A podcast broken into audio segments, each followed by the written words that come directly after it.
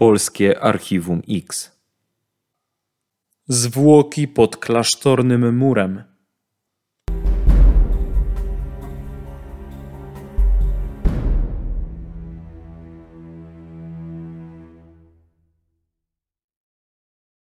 Ulica Nowy Świat w Tarnowie w żaden sposób nie przypomina tej w Warszawie. Obok odnowionych budynków straszą odrapane kamienice, zaniedbane domy czy niewielka parterowa zabudowa. Wzdłuż części ulicy ciągną się blaszane garaże. Tam, gdzie znaleziono zwłoki, nie ma ani krzyża, ani żadnej tabliczki przypominającej o wydarzeniach sprzed lat. Był 4 czerwca 1999 roku. Siostra Joanna ze zgromadzenia sióstr służebniczek Bogarodzicy Dziewicy Niepokalanie Poczętej, której dom zakonny do dziś mieści się przy ulicy Nowy Świat, zadzwoniła na policję. Zakonnica poinformowała dyżurnego, że robotnicy, którzy pracują przy ogrodzeniu klasztornym, natknęli się na fragment ludzkiego ciała. Policjanci przybyli na miejsce i sporządzili notatkę. Wynikało z niej, że czaszka pozbawiona żuchwy leżała za płotem razem z fragmentem kości. Na głębokości około 10 centymetrów natrafiono na kolejne fragmenty ludzkiego szkieletu. Szczątki zostały wysłane do Zakładu Medycyny Sądowej w Krakowie. Według biegłych kości mogły przeleżeć w ziemi co najmniej kilka lat. Medycy odkryli także na prawym obojczyku drucianą pętlę. To wskazywało, że osoba za życia musiała przejść zabieg chirurgiczny. Na tym etapie nie ustalono jednak tożsamości. Tuż po dokonaniu odkrycia policjanci przesłuchali siostrę Joannę. Zakonnica podzieliła się z nimi kilkoma spostrzeżeniami. W sadzie, w okolicach którego znaleziono zwłoki, w przeszłości często przesiadywali mężczyźni, którzy urządzali libacje alkoholowe. Czasem zdarzało się, że panowie spożywający alkohol byli głośno, ale zakonnica nie kojarzyła, aby dochodziło do awantur. Kilka lat przed odkryciem siostry czuły w powietrzu unoszący się fetor od strony sadu. Nie przejęły się tym za bardzo, ponieważ już wcześniej zdarzało się, że znajdowano tam szczątki zwierząt. Zakonnice pomyślały, że i tym razem może być podobnie. Policjanci prowadzący śledztwo pod koniec lat 90. postanowili sprawdzić listę zaginionych osób z Tarnowa i okolic z ostatnich lat. Szczególnie jedno ze zgłoszeń zwróciło ich uwagę. Chodziło o zaginięcie 31-letniej Justyny B. Kobieta miała wyjść z mieszkania w Tarnowie 2 października 1995 roku. Swojemu partnerowi miała powiedzieć, że idzie po zakupy i od tamtej pory nikt jej nie widział. Policjanci chcieli ustalić, czy znalezione pod klasztornym płotem kości mogą należeć do zaginionej cztery lata wcześniej Justyny B. Biegli z Zakładu Medycyny Sądowej w Krakowie zasugerowali zatem śledczym z Tarnowa, aby wykonać dodatkowe badania identyfikacyjne odnalezionych kości. Miały one polegać na porównaniu rentgena zatok obocznych nosa znalezionej czaszki ze zdjęciami rentgenowskimi czaszki Justyny B. Biegli przekazali wówczas śledczym, że ukształtowanie tych zatok jest indywidualne dla każdego człowieka. Pojawił się jednak jeden problem. Żeby takie porównanie móc wykonać, należało odszukać zdjęcie czaszki Justyny B w szpitalnych archiwach. Próby poszukiwań okazały się bezskuteczne. Tożsamość odnalezionych kości postanowiono zatem potwierdzić za pomocą badań DNA, które wówczas nie były tak powszechne jak obecnie. Biegli pobrali próbki od dzieci kobiety, a badania wykonano w Instytucie Ekspertyz Sądowych w Krakowie. Analiza potwierdziła, że znalezione kości należały do Justyny B. Dodatkowo tarnowscy policjanci ponownie zaczęli szukać medycznych dokumentów zaginionej kobiety, nie tylko w tarnowskich szpitalach, ale także w placówkach medycznych w regionie. Okazało się, że choć Justyna od prawie 20 lat leczyła się w Tarnowie, to jednak w szpitalu w Dąbrowie Tarnowskiej przeszła zabieg łączenia stawu barkowego. Jak wynikało z medycznej dokumentacji, podczas zabiegu użyto tzw. Tak drutu Kirchnera, dokładnie takiego samego, jaki znaleziono podczas sekcji zwłok. Z dokumentacji medycznej wynikała jeszcze jedna rzecz. Kobieta przekazała lekarzom, że została potrącona przez ciężarówkę. Dokumentacja lekarska oraz badania DNA nie pozostawiały żadnych wątpliwości. Znalezione kości należały do zaginionej w 1995 roku Justyny B. Pod koniec lutego 2001 roku prokuratura wydała decyzję o podjęciu śledztwa. Jednak kilkanaście dni po rozpoczęciu śledztwa, 1 marca 2001 roku, prokuratura umorzyła postępowanie z powodu niestwierdzenia przestępstwa.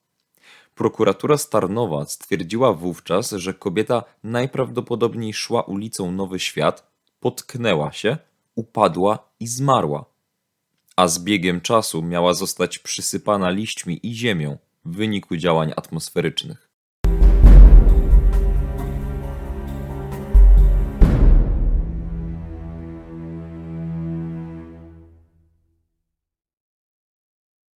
Rok później, w 2002 roku, sprawa trafiła do krakowskiego Archiwum X.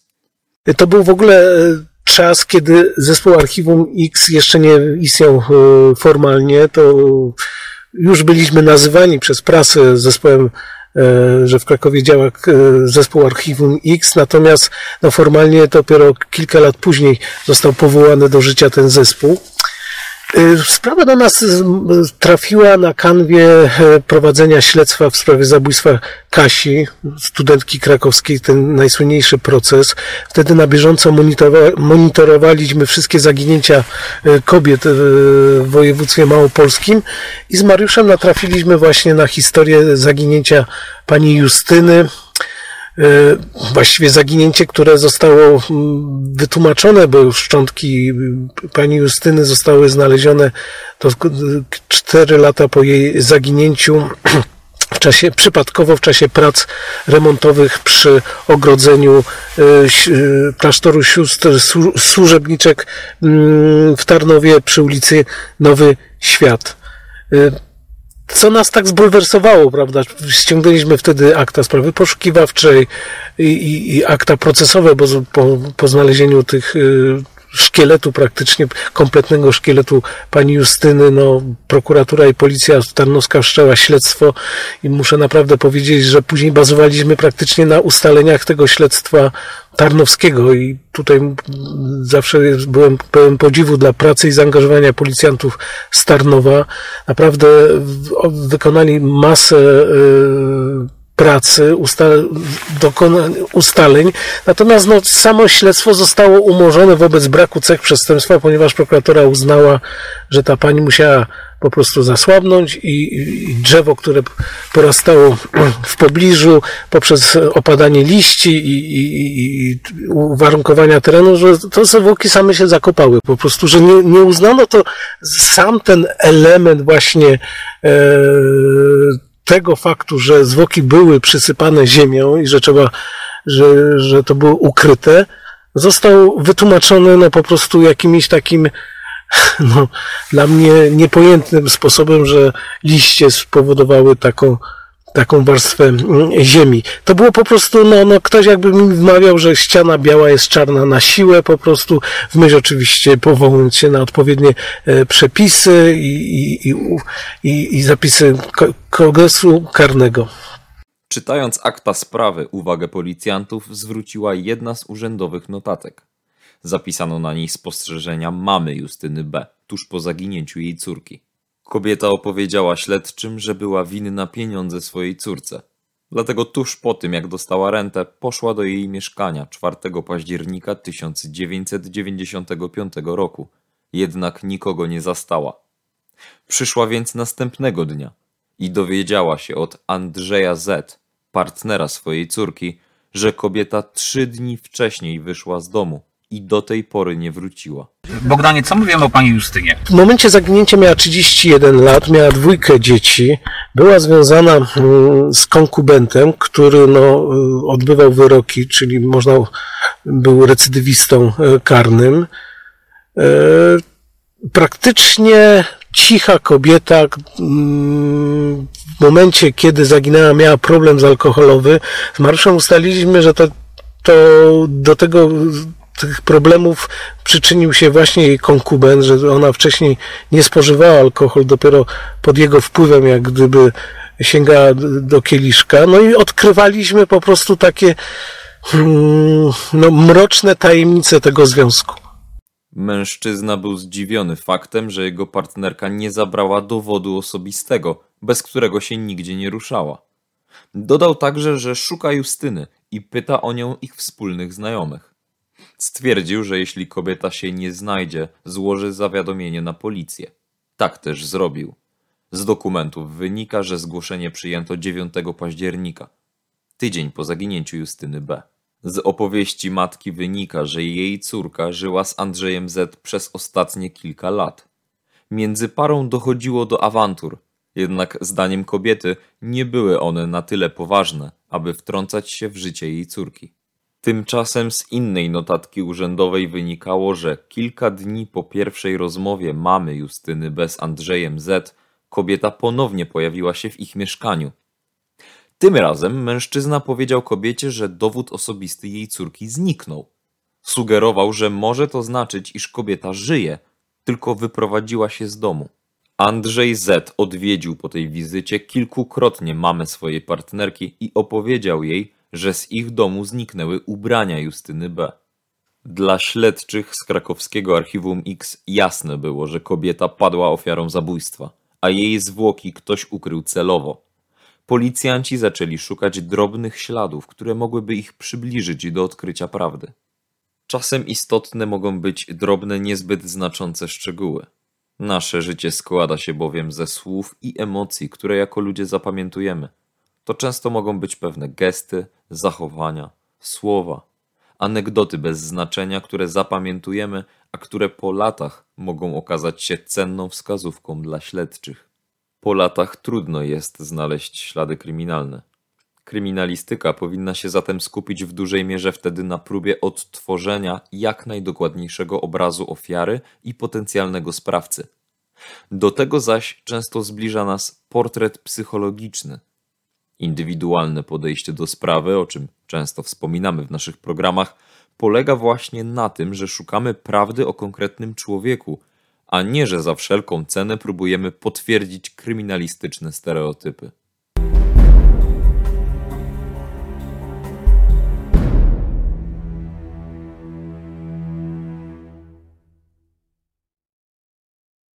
Tymczasem policjanci z krakowskiego archiwum X docierali do kolejnych osób, które znały Justynę B i mogły pomóc w ustaleniu, jak wyglądało codzienne życie kobiety.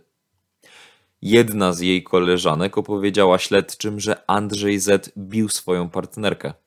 Podczas jednej z awantur miał jej złamać rękę oraz obojczyk. Oznaczało to, że opowieść przekazana przez Justynę B lekarzom o tym, że została potrącona przez ciężarówkę, była nieprawdziwa. Koleżanka Justyny B opowiedziała również historię z 1996 roku. Została ona wezwana przez tarnowskich policjantów, ponieważ w rzece w Tarnowie znaleziono zwłoki kobiety. Dziewczyna opowiedziała o zdarzeniu Andrzejowi Z. Ten miał jej odpowiedzieć, że to nie Justyna B i tajemniczo się uśmiechnąć. Tutaj w tej sprawie y, mieliśmy tak samo y, pewien taki sygnał, symptom, który został ustalony w postaci y, rozpytań wtedy policji, że konkubent zaczął jeszcze bardziej nadużywać alkoholu, całkowicie porzucił pracę, czyli można tutaj odnieść wrażenie, że jednak to zdarzenie spowodowało jakiś tam skutek i ten skutek objawiał się w tym jeszcze większym nadużywaniu alkoholu. Tutaj jeszcze jest jedna kwestia. Jakiś czas y, po zaginięciu, po zgłoszeniu zaginięcia konkubiny, policja w Tarnowie ujawniła y, zwłoki kobiety i tutaj wszyscy jak gdyby yy, przypuszczali, że mogą być to właśnie zwłoki zaginionej. I tutaj jest taka ciekawa sytuacja, że spotykając konkubent, spotykając koleżankę ofiary, która stwierdził praktycznie e, wykluczając, że, że to może być właśnie jego konkubina, stwierdził, że na pewno nie jest to ona i, i dziwnie się tutaj uśmiechnął. Czyli to są takie symptomy, które powodują, że jednak wiedział, co się stało i, i ta sytuacja, nie było potrzeby rozpoznawania tych zwłok y, przez niego, bo i tak wiedział, że nie są to zwłoki zaginionej osoby. Ostatecznie śledczy ustalili, że ciało znalezione w rzece należało do kobiety, która popełniła samobójstwo. Ciocia Justyny B. określiła ją jako kobietę zaradną i dbającą o dzieci. Jednak odkąd zaczęła się spotykać z Andrzejem Z., zaczęła pić. Miało to być efektem tego, że kobieta panicznie bała się swojego partnera, który pod wpływem alkoholu stawał się agresywny. Policjanci z krakowskiego Archiwum X postanowili przyjrzeć się bliżej znajomym mężczyzny. Jacek W., kolega Andrzeja, opowiedział im, że nigdy nie widział przejawów agresji w relacji jego znajomych. Samą zaś Justynę B. określił jako sympatyczną osobę. Jacek W. opowiedział śledczym jedną z rozmów, którą odbył z Andrzejem tuż po zaginięciu Justyny B. Jacek siedział razem z Andrzejem Z. w jednym z tarnowskich barów. Andrzej Z. był bardzo pijany oraz zdenerwowany, zachowywał się jednak racjonalnie. W pewnym momencie mężczyzna powiedział Jackowi W., że chyba zabił żonę. Para miała się pokłócić na ulicy, a dalsza część awantury trwała w domu. Andrzej poprosił Jacka, aby sprawdził razem z nim, czy kobieta żyje. W odmówił, uznając, że jego kolega przesadza. Jednak od czasu rozmowy Jacek W nie widział już Justyny. Dostrzegł również, że od czasu spotkania w barze jego kolega zmienił się.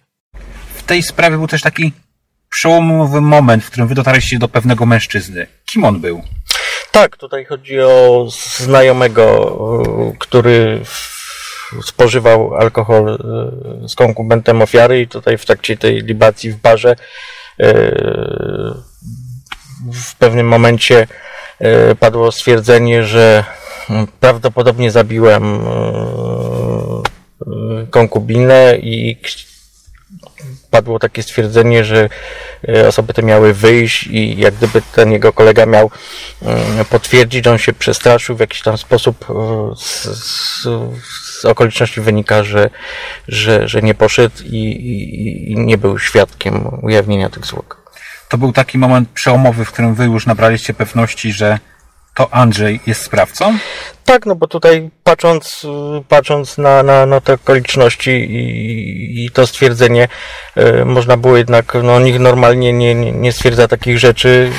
Dochodził do tego jeszcze alkohol, jednak wynika z tego, że chciał jednak y, wyrzucić to z y, siebie, jak gdyby przekazał to drugiej osobie i, i to był to była oczywista rzecz, że nikt nie oskarża siebie o zabójstwo. Nie tylko sama opowieść, ale także uwaga W o zmianie zachowania zwróciła uwagę policjantów z krakowskiego Archiwum X. Chodzi mianowicie o słynną definicję profesora Jana Zena. Twierdził on, że śladem w sprawie jest każda zmiana w obiektywnej rzeczywistości, czyli między innymi w zachowaniu sprawcy. Tymczasem wspomniany Andrzej Z w momencie zaginięcia swojej partnerki był postawny, dobrze zbudowany, w sile wieku. Tuż po zniknięciu kobiety schudł, przestał pracować i zaczął pić do oporu. Kiedy policjanci z krakowskiego Archiwum X postanowili przesłuchać Andrzeja Z, okazało się, że mężczyzna przebywa w zakładzie karnym, gdzie odsiadywał wyrok za rozbój. Andrzej Z zeznał, że nigdy nie uderzył swojej żony. Przekonywał policjantów, że jego żona na pewno uciekła i żyje, bo nie znaleziono przecież ciała. Mężczyzna nie wiedział o znalezisku dokonanym w 1999 roku. Dodatkowo okazało się, że w przeszłości Andrzej Z mieszkał w okolicy miejsca odkrycia zwłok i bardzo dobrze znał teren. Kolejnym krokiem śledczych była rozmowa z dziećmi Justyny B. Pierwsza została przesłuchana jej córka Żaneta. Dziewczyna zeznała, że Andrzej Z bił ją i wykorzystywał seksualnie, odkąd skończyła 11 lat. Opowiedziała, że mężczyzna bił jej mamę oraz brata. Żaneta doskonale zapamiętała moment zaginięcia swojej mamy. Decyzją sądu została umieszczona w domu dziecka. Początkiem października 1995 roku do ośrodka przyszedł Andrzej Z, i powiedział, że mama Żanety jest bardzo chora i potrzebuje pomocy. Zabrał dziewczynę, a kiedy dotarli do domu, nikogo w nim nie zastali. Andrzej Z. zwrócił uwagę dziewczynie, że jej mama zostawiła dowód osobisty w domu. Norbert, brat Żanety, potwierdził policjantom, że Andrzej Z. znęcał się nad nim przez lata oraz wykorzystywał go seksualnie. Kilka razy wycierał nim mocz psa. Mężczyzna potrafił wyrzucić też chłopaka nago na zewnątrz. Z zeznań sąsiadów wyłania się z kolei ponury obraz relacji panujących pomiędzy Justyną i Andrzejem. To był związek kata z ofiarą. Interwencje policjantów w domu pary zdarzały się sporadycznie. Zawsze o domowej awanturze informowali ci sami sąsiedzi. Sąsiadka opowiedziała śledczym, że Andrzej, kiedy jego partnerka nie chciała się z nim kochać, potrafił ją wyrzucić nago przez okno. Sąsiadka Justyny B. zeznała, że zaraz po jej zniknięciu widziała ze swojego balkonu, jak Andrzej idzie przez podwórko ze zwiniętym dywanem przerzuconym przez ramię. Szedł szybko, a po wyjściu z bramy udał się w kierunku, gdzie później odkryto zwłoki. Rozmawialiśmy z, praktycznie z każdym, kto znał panią Justynę i z matką, i z rodziną, i z przyjaciółmi. Bardzo pomocne okazały się informacje nam skazane właśnie przez sąsiadów pani Justyny. Jedyne osoby, które tak naprawdę widziały, co tam się dzieje, że jest przemoc domowa. To jest rok e, 95, a więc nie ma mowy jeszcze o, nie, o niebieskich kartach. Tutaj to, to, to, to tak naprawdę policja w, i w ogóle wymiar sprawiedliwości dochodzi do pewnych rzeczy. E, No i tak naprawdę jedyne interwencje policyjne, które tam e, miały miejsce, były zgłaszane właśnie przez tą parę sąsiadów. W rozmowie z tymi sąsiadami ustaliliśmy, że wielokrotnie widzieli, jak Justyna naga zostaje wyrzucona na zewnątrz, prosi o wejście do domu. E, Jak się później okazało, to przeważnie miało miejsce wtedy, kiedy odmawiała seksu e, e, swojemu konkubentowi. Notorycznie ją bił, to był bardzo rosły i, potężnie zbudowany mężczyzna, który w swoim środowisku nawet miał ksywę Packer. Ona drobna, 31-letnia kobieta wagi około 45 kg. Nie miała szans z nich, szans żadnych w starciu. Można powiedzieć, że w tej historii pokazuje, jak, jak kogo spotkamy na swojej y, ścieżce życia, jakie to ważne, prawda, z kim się zadajemy, z kim tworzymy związki. Nie można tutaj mówić, że wszyscy są równi, w tym zakresie przynajmniej. Trzeba być czujny i odważny.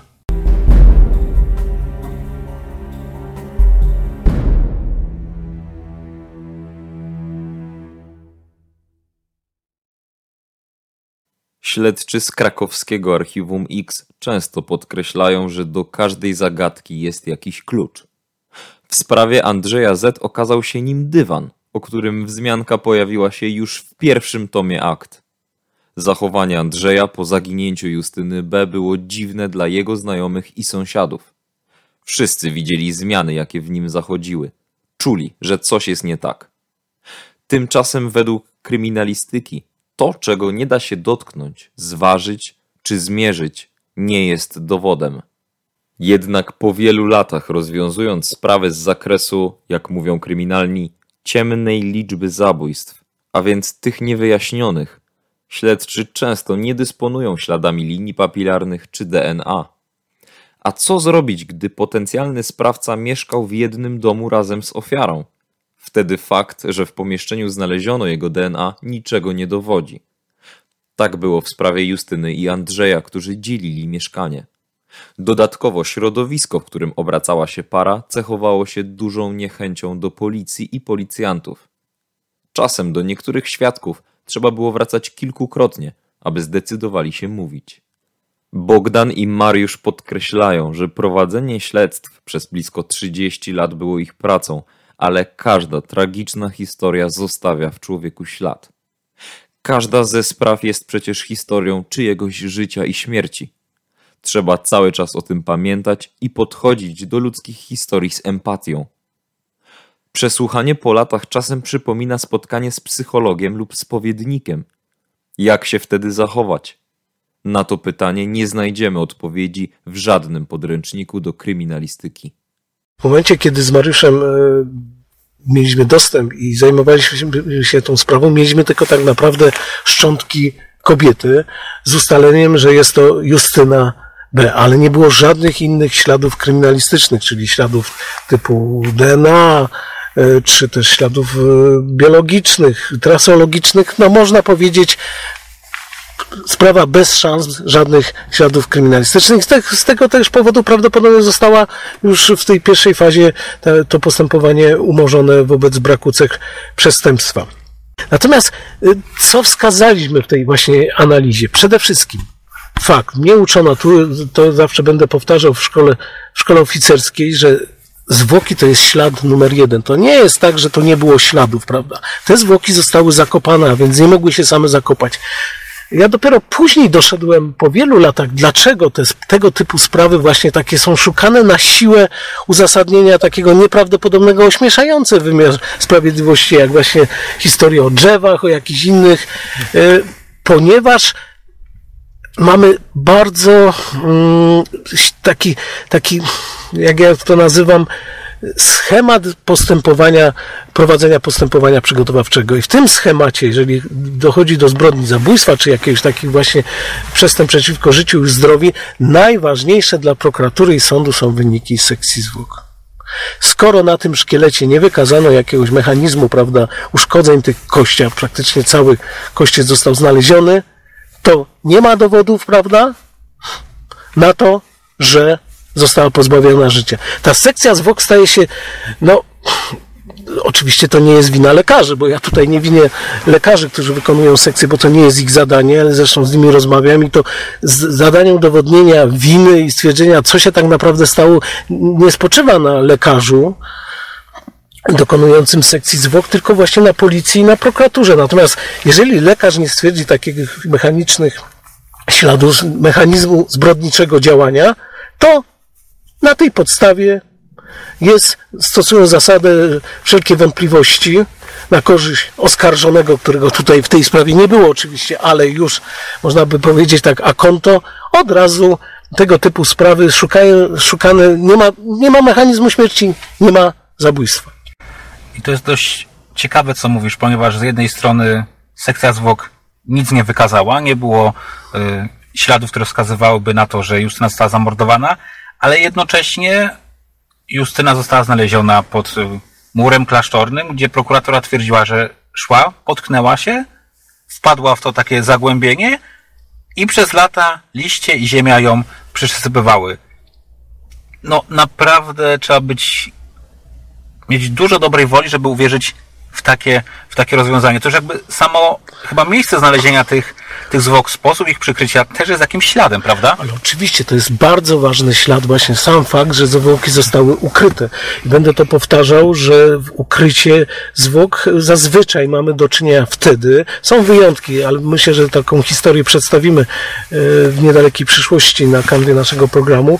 Są zawsze od, od każdej reguły wyjątki, natomiast tutaj mm, ten przypadek potwierdza tą regułę, mianowicie, że gdy mamy takie właśnie ukrycie zwłok, e, to sprawca wywodzi się albo z pierwszego kręgu ofiary, albo z drugiego kręgu ofiary. Będę to powtarzał jak mantrę, no tu się okazało, mm, że Mm, sprawcą zabójstwa okazał się konkubent, czyli to jest właśnie to, co, to, co głosimy po prostu z Mariuszem i to jest też właśnie, właśnie też ślad na duszy ludzkiej. Ktoś ukrywa zwłoki w momencie, kiedy wie, że policja może go powiązać z, z ofiarą po prostu i dlatego dochodzi do ukrycia właśnie dowodu zbrodni.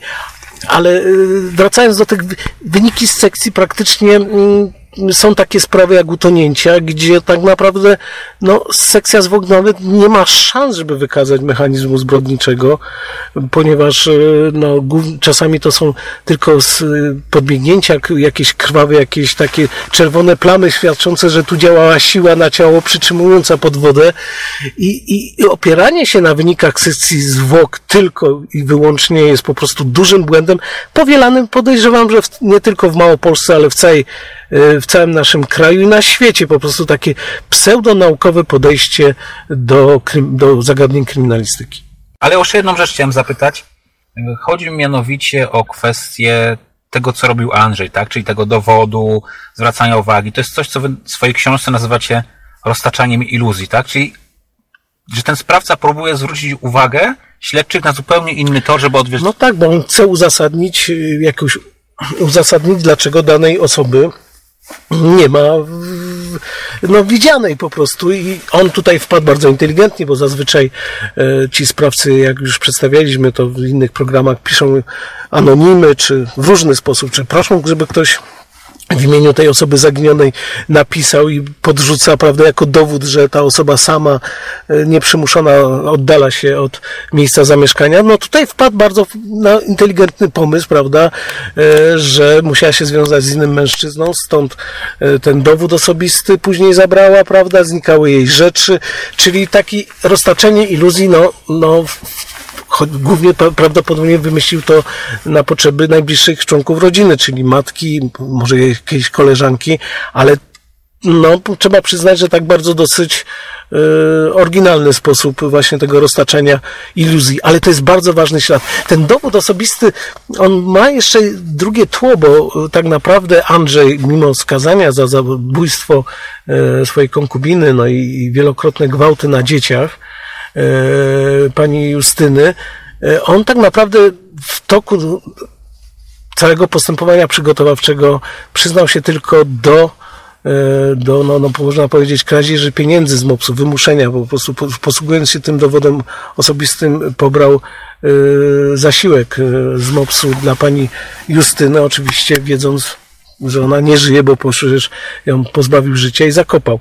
E, tak jak ci mówię, wtedy jeszcze nie głosiliśmy, że to są teorie śladów na duszy ludzkiej, ale w tej analizie, którą z Mariuszem przygotowywaliśmy, wskazaliśmy na takie właśnie momenty jak przemoc, y, pobicia.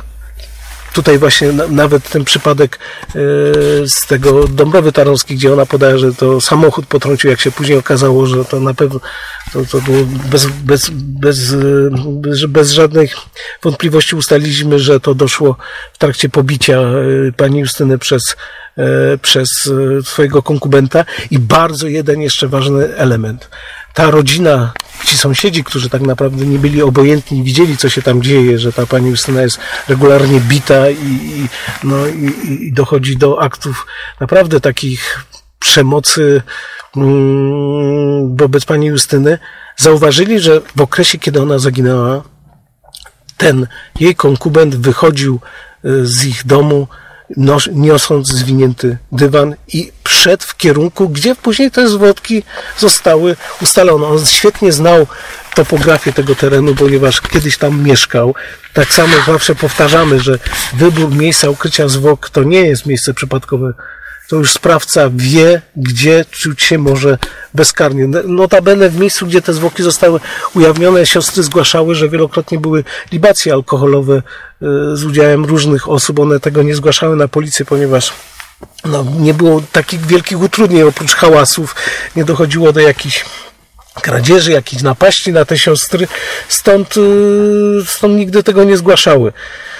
Y, Ale ten właśnie dywan to też sposób, prawda? No tutaj można powiedzieć, że to nie są ślady na duszy ludzkiej. No to akurat nie, ale sam fakt, że zakopania e, zwłok i właśnie tego roztaczania iluzji, tego okłamywania całego otoczenia, podawania fałszywych, e, fałszywych informacji co do losów pani Justyny, to, jest, to są tak charakterystyczne ślady w każdym właśnie postępowaniu dotyczącym zabójstwa e, z kategorii ciemnej liczby zabójstw popełnianych w Polsce. Biegli stwierdzili, że Andrzej Z jest poczytalny.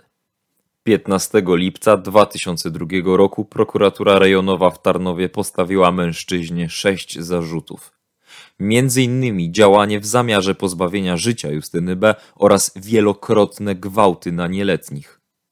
Za zabójstwo i inne przestępstwa Sąd Okręgowy w Tarnowie skazał Andrzeja Z. na 15 lat pozbawienia wolności. Sąd apelacyjny w Krakowie podtrzymał decyzję. Ten człowiek nigdy nie przyznał się do tego, że zabił Justynę.